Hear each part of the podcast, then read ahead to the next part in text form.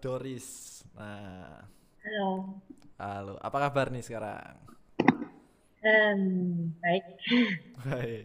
Jadi Tehana ini MUA. MUA ini apa ya? Makeup artist. Kenapa ini kok awalnya jadi kepikiran jadi MUA ini kenapa kamu ini waktu itu?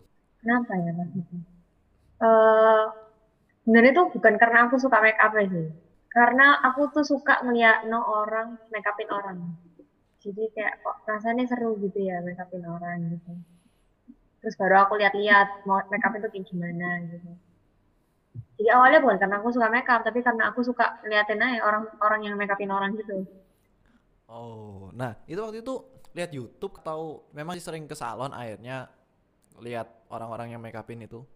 Eh, enggak, jadi ceritanya itu aku dulu itu s- rumahku tuh deket salon gitu tuh. Salon A gitu kan. Oke. Rumahku deket salon itu dan salon itu bridal gitu lah ya, bukan salon-salon yang kayak potong rambut gitu. Itu bridal. Terus aku tuh sering kalau weekend gitu misalnya pagi-pagi atau apa tuh aku lewat tuh mesti kayak eh, biasa kan orang merit-merit gitu kan preparationnya dari subuh gitu kan, dari pagi-pagi gitu. Nah, aku tuh sering lihat mereka tuh kayak sibuk gitu tuh, terus kayak banyak IO-IO, terus kayak aku juga lihat-lihat di di YouTube di mana orang tuh video-video orang make upin orang, aku tuh suka, maksudnya kayak eh, pengen ada nih, ya apa ya ngomongnya, terlibat di suatu momen yang penting orang tersebut gitu loh, ngerti nggak? Oh, ya ya ya ya ya. Ya aku merasa kok rasanya seru ya, ya. maksudnya eh, ikut ada terlibat di suatu momennya siapa gitu loh. Itu kan momen bahagia gitu tau, kayak seru gitu loh ikut bantuin preparationnya kayak gitu. Hmm. Gitu. Oke. Nah, terus akhirnya dari lihat-lihat itu, terus akhirnya kamu eh, mulainya belajarnya dari mana waktu itu? Belajarnya, aku sekolah, sekolah makeup. Oh, sekolah Mm. di Surabaya? Per- sempet, iya sempet kayak pertama kan belum sekolah tuh, kayak lihat-lihat di video gitu tuh. Tapi aku tuh orangnya nggak bisa belajar lek cuma lihat tok gitu loh. Aku harus nyoba praktek. Jadi harus ada orang yang ngajari aku secara langsung. Lihat, aku lihat-lihat di YouTube kan banyak tuh. Tapi tetap aku nyoba tuh kayak nggak bisa gitu. Oh, Oke. Kok Jelek akhirnya ya aku ambil sekolah Nah, itu sekolahnya dari tahun berapa sih itu? dari tahun 2000 berapa ya? Aku SMA lulus langsung pokoknya. 2000 berapa ya aku lulus itu lupa aku. 14 atau 15 gitu. Pokoknya lulus SMA aku langsung ambil sekolah makeup. Nah, Sekolahnya nggak lama sih cuma enam bulan. oh, cuma enam bulan. Iya. Oh, nah, apa sih yang jadi sekolah makeup? Sekolah makeup ini apa yang dipelajari waktu itu? Selain eh, kalau apakah nggak bisa dipelajari secara online kan sekarang zamannya ada YouTube dan lain-lain. Apa sih bedanya kalau kita sekolah MUA ini? Bedanya eh, sekolah makeup itu ya yang pasti belajar makeup orang dong, belajar praktek. Tapi yang di tempatku tuh belajar teori juga sih, soalnya dia itu termasuk akademi gitu kan. Kalau sekarang kan mungkin banyak yang orang langsung les di apa MUA MUA gitu kan, yang privat-privat, cuman kayak berapa kali pertemuan langsung bisa gitu kan. Nah, dulu zaman tahun itu aku belum belum zaman, belum booming, MUA tuh belum se-booming ini gitu kan. Jadi aku kayak mau nggak mau harus ambil kayak sekolah gitu. Karena ya adanya kayak gitu kan. Dulu tuh nggak ada les-les sama MUA gitu jadi aku ambil sekolah. Nah kalau online itu nggak bisa sih. Soalnya ya mungkin kalau mereka buat diri sendiri bisa ya. Cuman kalau kita belajarnya as a profesional gitu nanti eh kan eh, kita di luar sana kan bakal nemui klien yang berbagai macam bentuk mukanya kan. Nah itu yang harus eh, apa ya nggak bisa dipelajari lewat online sih. Karena orang tuh bentuk muka tuh beda-beda. Termasuk kalau makeup itu lebih ke mata kali ya. Mata orang kan beda-beda.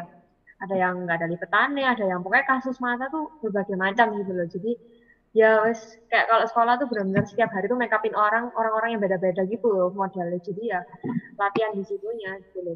Latihan eh pakai orang yang mukanya beda-beda kan jadi bisa latihan gitu. Oke, hmm, jadi eh, nggak bisa tahu sedetail kalau kita sekolah ya. Jadi kalau memang kalau kita lihat video kan mungkin cuman ya cuman sekedar orang ya make upin orang lain kayak gitu. Jadi kita nggak tahu sebenarnya kenapa kok ya itu harus dilakukan seperti itu gitu. Betul Oke, nah kamu tadi kan cerita tentang uh, kamu setelah lulus SMA langsung ambil sekolah MUA. Orang tua mendukung nggak waktu kamu ngambil uh, sekolah MUA ini? Nah. nah. Orang tua. Per mamaku sih mendukung. Mamaku tuh support. Jadi kayak pokoknya mamaku tuh intinya uh, kalau kamu suka ya nggak apa-apa gitu asal harus tanggung jawab ambil pilihanku gitu kan jangan sampai kayak kan ada tuh banyak banyak juga yang kayak ya senang-senang tok lagi suka apa ya kan terus belajar terus gitu di tengah jalan berhenti gitu kan nggak dilanjutin nah mamaku tuh wis pokoknya ini ya kamu harus tanggung jawab gitu loh mamaku sih fully support gitu kan yang awal tuh yang jadi masalah apa okay. nah apalagi waktu zaman waktu zaman itu tahun segituan itu 2014-an itu kayak belum musim yang habis. Sekarang kan banyak kan anak-anak habis SMA langsung ambil misalnya apa sekolah masa atau sekolah make up gitu kan. Nah dulu kan nggak ada gitu kan. Mungkin aku satu angkatan tuh yang nggak lanjut kuliah tuh cuma aku tok. Oh, semua itu kuliah gitu jadi teman-temanku kak semua tuh kayak kaget gitu. Kamu yakin nggak kuliah gitu kan? Nah apalagi papaku juga dulu tuh masih yang kayak iya paling nggak harus S1 gitu kan. Nggak apa-apa kamu mau make up asal kamu kuliah dulu gitu. Atau kamu kuliah nanti disambi sama les make up pulangnya gitu kan.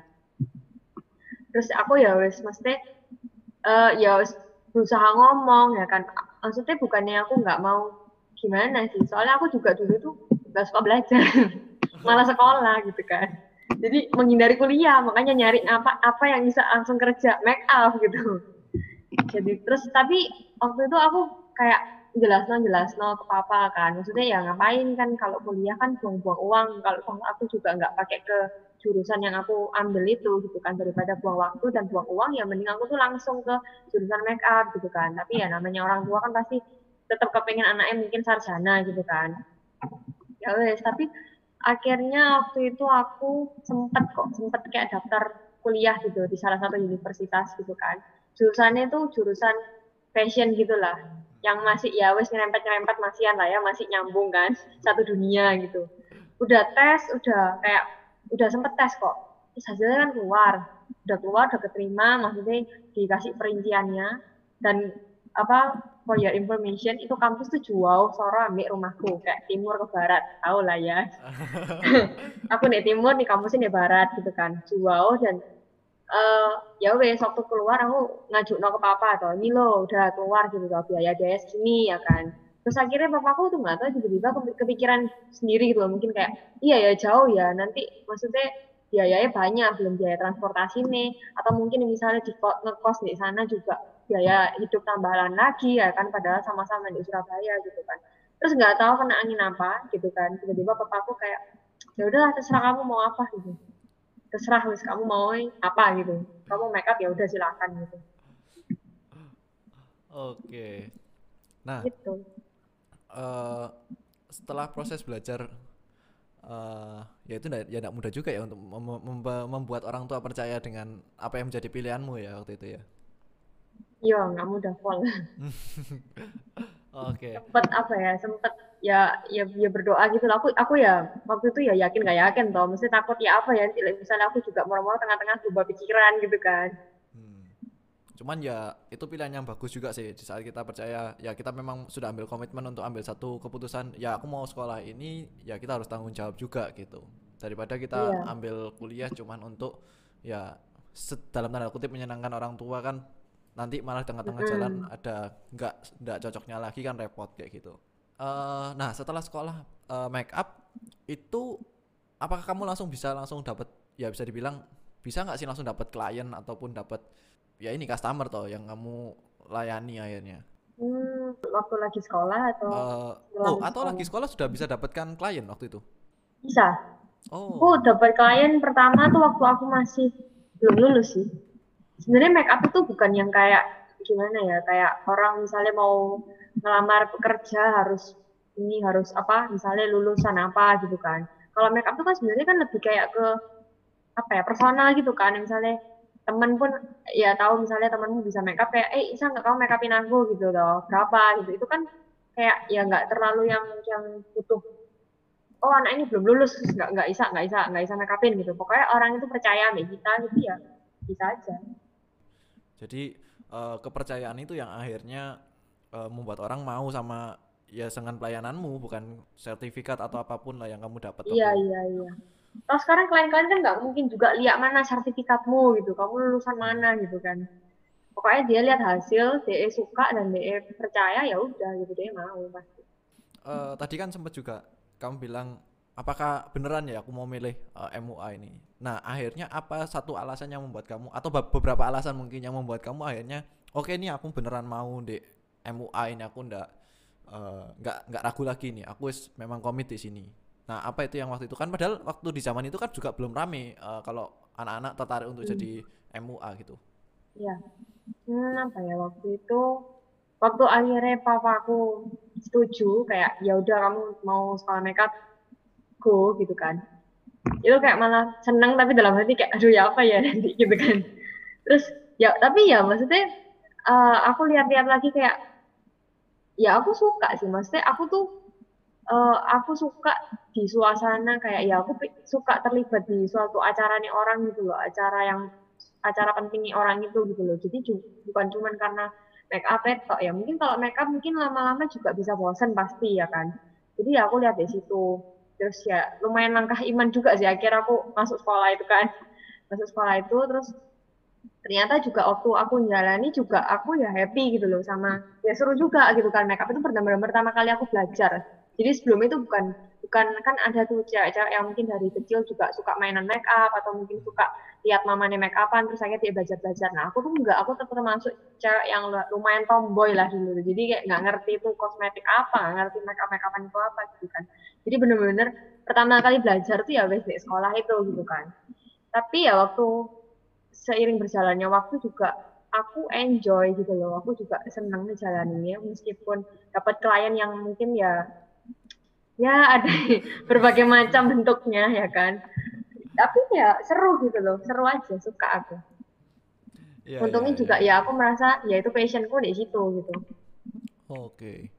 Nah, terus kan jadi MUA ini juga tidak semudah yang dilihat. Jadi nggak cuman ya simple ya orang kamu make upin dan selesai tapi kan juga uh, sebelum itu kamu juga harus keluarkan modal juga di alat-alatnya di persiapannya hmm. juga dan itu yang aku tahu juga nggak murah kayak gitu ya. nah uh, aku juga kurang tahu sih gimana uh, gimana ya kalau jadi MUA itu apakah peralatannya harus ada standarnya atau ya bebas saja kita bisa pilih apa yang kita suka dan akhirnya uh, itu yang kita pakai kayak gitu.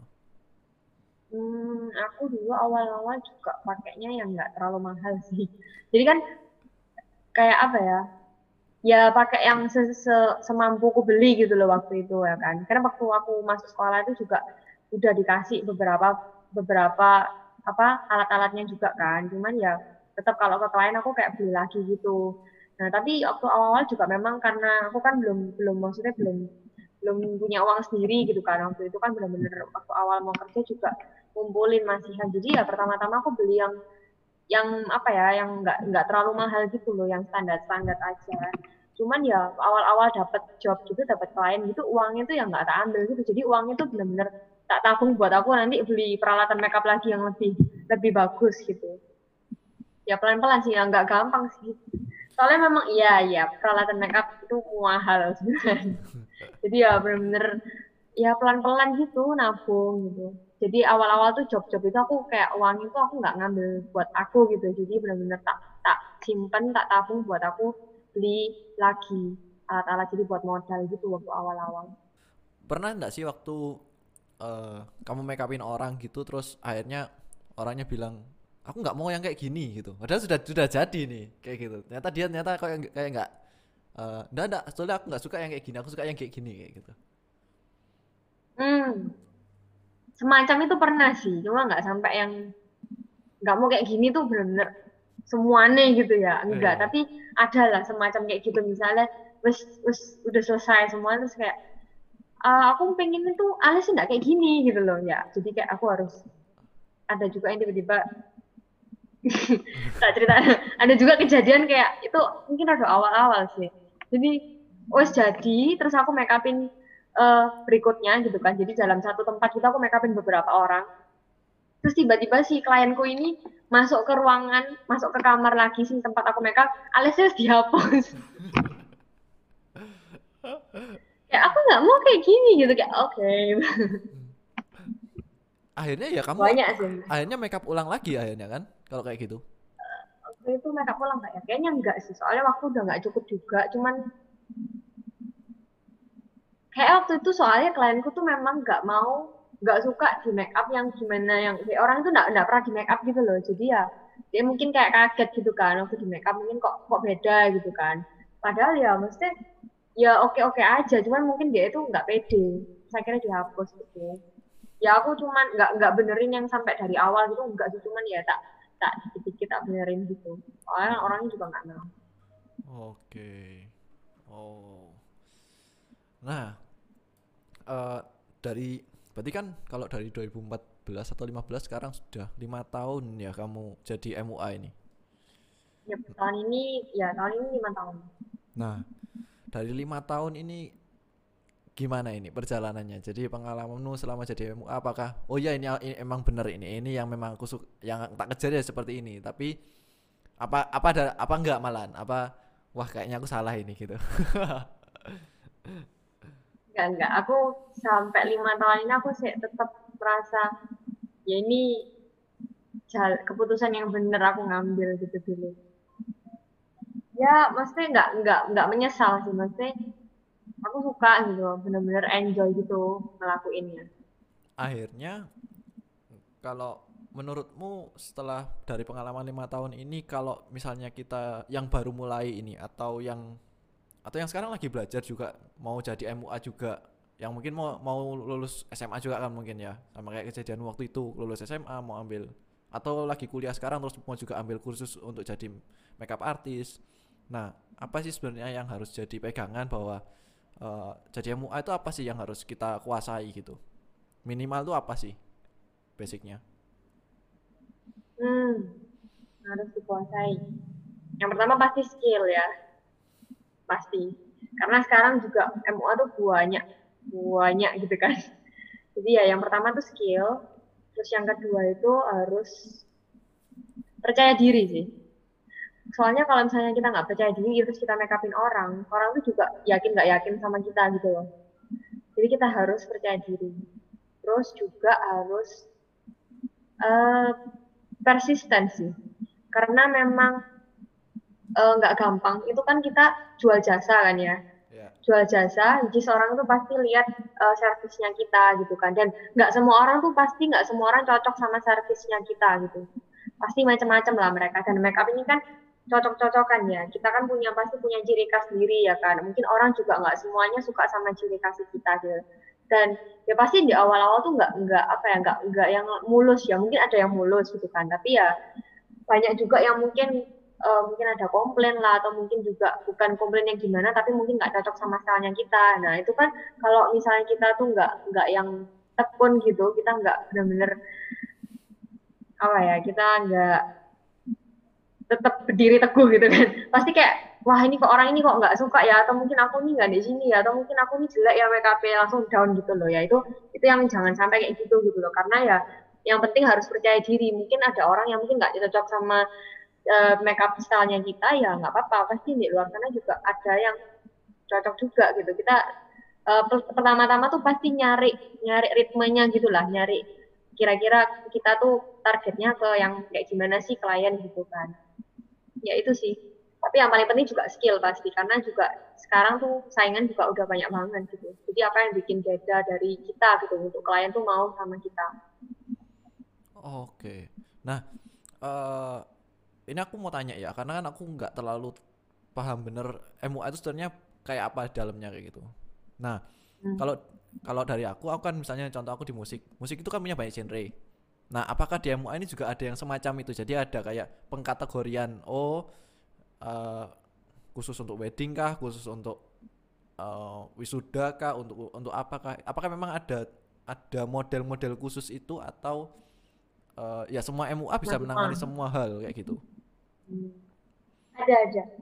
Di makeup itu ada yang makeup uh, makeup beauty gitu kan, yang makeup cantik-cantik gitu, makeup, makeup komersial gitu lah ngomongnya ya itu kayak makeup wedding gitu. Terus ada juga makeup yang fantasi itu ada. Ada makeup yang fashion juga ada. Makeup fantasi itu sama Nah, itu beda-beda. fantasi itu yang biasanya merubah karakternya orang gitu loh. Oh. jadi misalnya ini dibuat jadi apa ya makeup karakter gitu ya macam-macam. Karakter yang bisa di movie-movie gitu kan juga ada. Terus apa ya namanya FX make FX apa gitu namanya yang, yang kayak darah-darah luka-luka gitu loh Oh. itu iya. juga termasuk make up jadi ya macam-macam Oke. Nah, tapi apakah semua MUA akan bisa mengerjakan segala macam bentuk itu? Atau cuman ya memang satu bidang ya harus kita pelajari sendiri, satu bidang harus kita pelajari sendiri gitu. dan itu bebas sih bebas maksudnya ada juga yang mungkin dia belajar semua gitu kan. Tapi at the end tuh pasti eh, si MUA ini pasti dikenal dengan ciri khasnya dia. Misalnya dia terkenal di make up wedding ya pasti dia itu terkenalnya di situ pasti dia kebanyakan nangani di situ gitu kan. Ada juga yang oh apa si MUA ini memang terkenal di make up yang karakter gitu. Pasti dia juga bakal eh, ada di dunia yang kayak gitu gitu jadi beda-beda. Tapi ya wah, kalau harus bisa semuanya apa enggak sih? Ya enggak gitu. Karena ya pasti at juga kita tetap harus fokus kita mau di pasar yang mana gitu. Oke, iya iya iya iya. Jadi eh nah ini kan kamu udah ngasih tahu kan tadi kurang lebih itu waktu kita mau jadi MUA ya kita harus punya itu tadi punya beberapa kemampuan itu. Nah, cuma yang jadi pertanyaan juga yang juga jadi masalah biasanya ketika kita mau jadi MUA, apakah benar? Nah ini pengalamanmu selama lima tahun, apakah kita bisa hidup nggak sih kalau kita cuma kerja sebagai MUA? Itu yang pertama, yang kedua eh orang tua kan juga mungkin yang masih eh, yang masih masih punya pemikiran yang zaman dulu kan juga nggak gampang untuk menerima. Ini kan termasuk eh, bisa dibilang profesi yang baru kan? Profesi baru lah kayak gitu.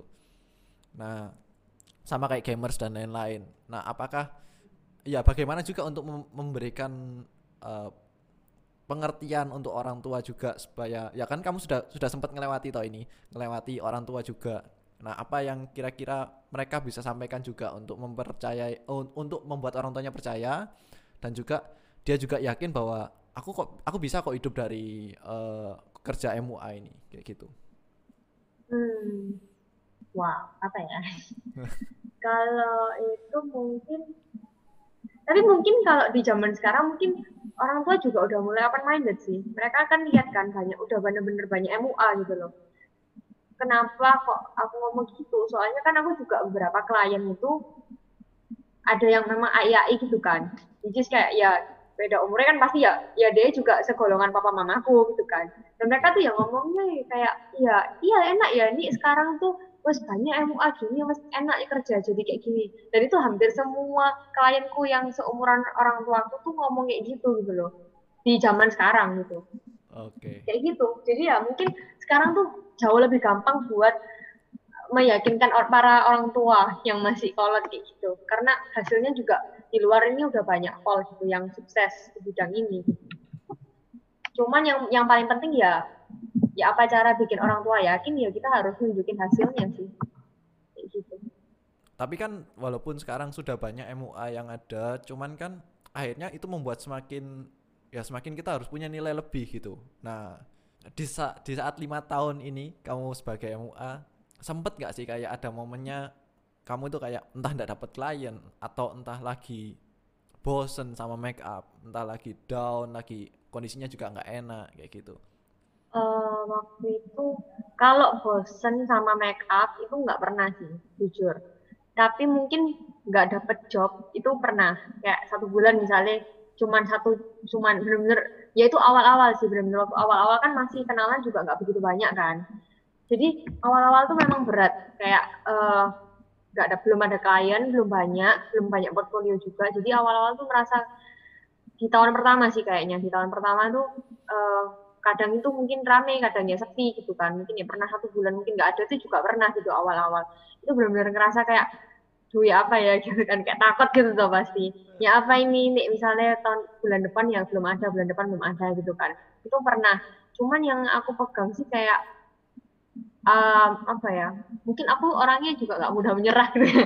jadi kayak nggak apa-apa harus harus terus gitu. Aku bener-bener waktu awal-awal tuh kayak cari-cari partner kayak uh, fotografer lah atau apalah gitu men. Kita kayak nawar-nawarin kerjasama lah apa gitu. Aku bener-bener soalnya mungkin aku nggak nggak mudah menyerah tuh karena di awal tuh aku udah udah apa ya udah mengambil keputusan ini dan papa mama aku kayak kamu harus tanggung jawab ambil keputusanmu gitu loh. Tunjuklah lah misalnya memang kamu bisa berhasil gitu kan. Intinya. Jadi aku tuh kayak lumayan apa ya jadi apa pressure gitu. Kayak nggak boleh berhenti kayak aku harus terus nyari gitu. Aku wes, wes sudah sudah terlanjur nyemplung gitu kan. Aku benar-benar harus bisa survive gitu kan. Jadi ya mungkin waktu itu aku lebih banyak berdoa gitu. Jadi aku benar-benar berdoa gitu kayak ya apa ya benar-benar. Tapi ya nggak diem tok tapi ya itu aku cari-cari partner lah cari-cari uh, kayak kerjasama kerjasama nawarin kerjasama kerjasama sama vendor-vendor lainnya gitu kan. Dan uh, kayak teman-teman gitu ayo tak make upin tak make upin gitu tuh waktu itu jadi biar aku tuh banyak portfolio jadi orang tuh mungkin bisa lihat gitu. Ya itu sih yang awal-awal yang tak lakuin gitu. Nah kalau misalnya aku merasa down gitu pernah karena uh, bukan downnya karena kayak apa apa aku masih belum jawabnya belum rame atau apa enggak. Tapi mungkin lebih kayak ke ke ini sih ke mental sih. Kayak aku kan nggak kuliah gitu kan. Jadi which teman-temanku pasti berkurang gitu loh dan waktu di, di make up juga waktu awal-awal kan aku aku sekolah make up juga temen tuh nggak banyak gitu nggak sebanyak kalau misalnya kita kuliah gitu kan. Nah itu aku bener-bener awal-awal itu merasa kayak menyesal nggak kuliah bukan menyesal nggak kuliah gimana sih maksudnya kayak dua apa aku kuliah kuliah rasa enak ya punya teman banyak kayak gitu sih mikir. Soalnya kan awal-awal bener-bener teman-teman yang teman-teman SMA tuh pasti sibuk semua atau sibuk kuliah semua jadi ya awal tuh aku downnya di situ kayak merasa nggak punya temen gitu. Waktu kayak weekend pun teman-teman juga wes sibuk-sibuk sendiri lah tugasnya banyak lah. Mungkin mereka juga wes teman-teman di kuliahnya juga banyak baru gitu jadi kayak gitu. Sama nggak sih kalau misalnya kita itu uh, kamu kan sekarang sebagai tidak menjalani sebagai mahasiswa kuliah pada umumnya gitu. Menurutmu sebagai orang yang tidak berkuliah cuman ngambil ya bukan cuman sih mengambil sekolah yang tidak formal kayak gitu. Ini kan tidak mm formal kan kalau sekolah kita uh, ya di bidang seni lah dibilangnya kayak gitu. Itu kan tidak formal. Uh, itu ada yang beda nggak? Ada kerasa yang beda nggak waktu kamu uh, bergaul juga dengan teman-temanmu yang uh, berkuliah atau yang makanya kamu waktu uh, kerasa ada yang beda enggak atau justru malah aku justru malah enggak kuliah malah kayaknya aku lebih lebih maju dari mereka ataupun sebaliknya kayak gitu. Hmm, bedanya uh, kalau bedanya sih ya pasti beda. Kan aku cuman banyak teman-temanku yang kayak iri gitu loh awal-awal. Kayak enak ya gitu.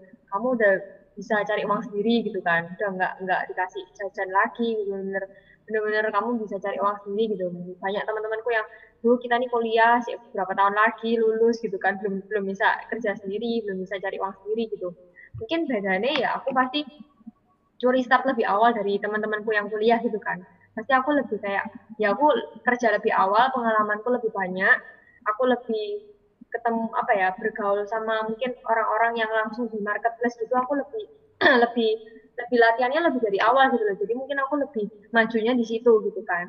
Tapi ya memang uh, tetap beda sih kayak kuliah sama nggak kuliah tuh mungkin apa ya kalau aku nih diceritain sama kayak aku cerita-cerita sama teman-temanku yang kuliah pasti kayak mereka kayak enak ya kamu gitu nggak kuliah tapi udah bisa cari uang sendiri. Tapi mungkin aku lebih mikir kayak ya kamu juga enak gitu kayak misalnya kamu kuliah kamu juga dapet apa ya temanmu kan banyak gitu kan di kuliah. Aku nggak kalau misalnya ngomong masalah pelajaran sih aku kan nggak ngerti ya kan cuman yang aku lihat dari kuliah itu enaknya kayak teman-teman banyak kayak itu koneksi yang banyak gitu loh nanti waktu ke depannya kamu udah kerja gitu loh. Mungkin beda di situ. Nah karena aku gak kuliah gitu kan jadi aku benar-benar berawal dari nol.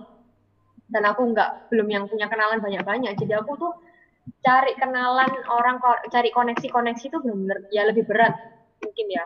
Tapi mereka yang mungkin sudah kuliah itu kan koneksinya udah banyak gitu kan. Teman-teman dari jurusan-jurusan ini kan juga mungkin mereka pasti ada kenalan ada kenalan. Jadi koneksinya lebih luas gitu. Mungkin di situ. Ya ya ya. Sekarang sih karena ya teknologi sudah semakin maju kita bisa belajar dari media online apa pun itu uh, sehingga Iya. ya kalau ilmu ya kita bisa mungkin cari bisa di mana-mana. Cuman kalau kita bilang tentang relasi teman-teman untuk yang satu satu bidang dengan kita itu pasti lebih gampang kalau kita ketemu di saat kuliah kayak gitu Iya. pertanyaan terakhirku ini ya sekarang Eh, di saat pandemi yang seperti ini apakah kamu masih nah ini kan sekarang event semua ndak ada ini apakah masih ada Hmm. jalan MUA ada yang lagi lagi- masih jalan ndak sekarang Baru-baru ini. oh karena sudah selesai PSBB ya Iya, iya. nah dengan kondisi yang kayak sekarang ini kamu masih merekomendasikan nggak sih kalau orang tuh masih bisa jadi MUA dengan kondisi yang kayak ya mungkin sekarang orang udah ya nggak kepikiran untuk hal-hal yang kayak gini kan mungkin event sudah nggak ada dan lain-lain semuanya dibatasi.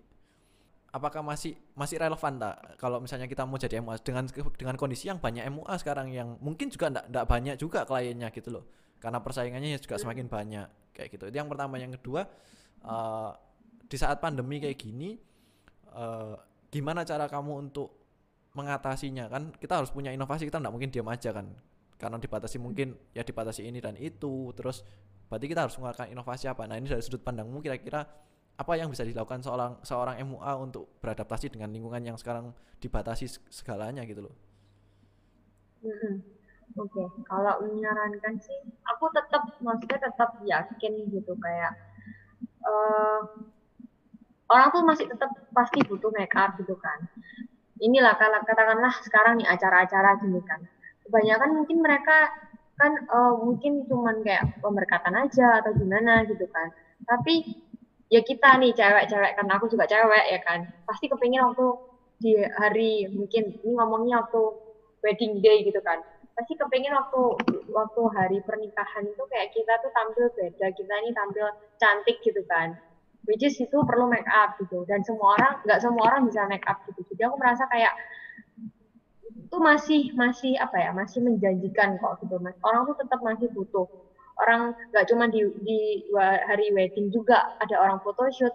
Foto tuh juga orang tuh tetap masih jalan gitu kan. Apalagi kalau photoshoot kan nggak nggak butuh orang yang banyak banget. Jadi selama pandemi ini juga tetap masih ada yang foto sih kemarin-kemarin gitu kan. Jadi masih bisa gitu.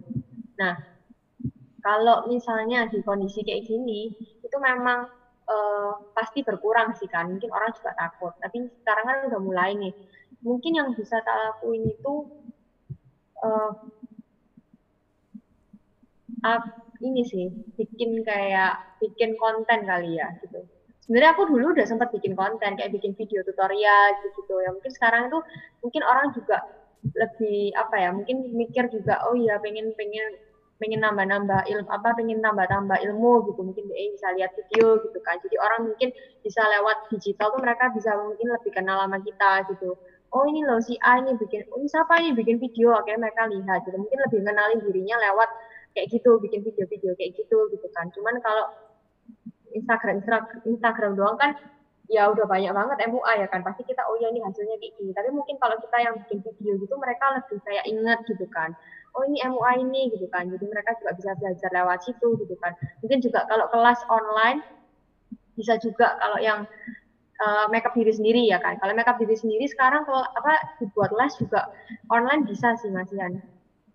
Jadi ya itu. Sekarang kan banyak juga tuh orang-orang yang pada MUA MUA bikin kelas online tapi yang makeup diri sendiri Oh, oke. Jadi eh, inovasinya bisa bikin konten, bisa eh, bikin online kelas juga ya.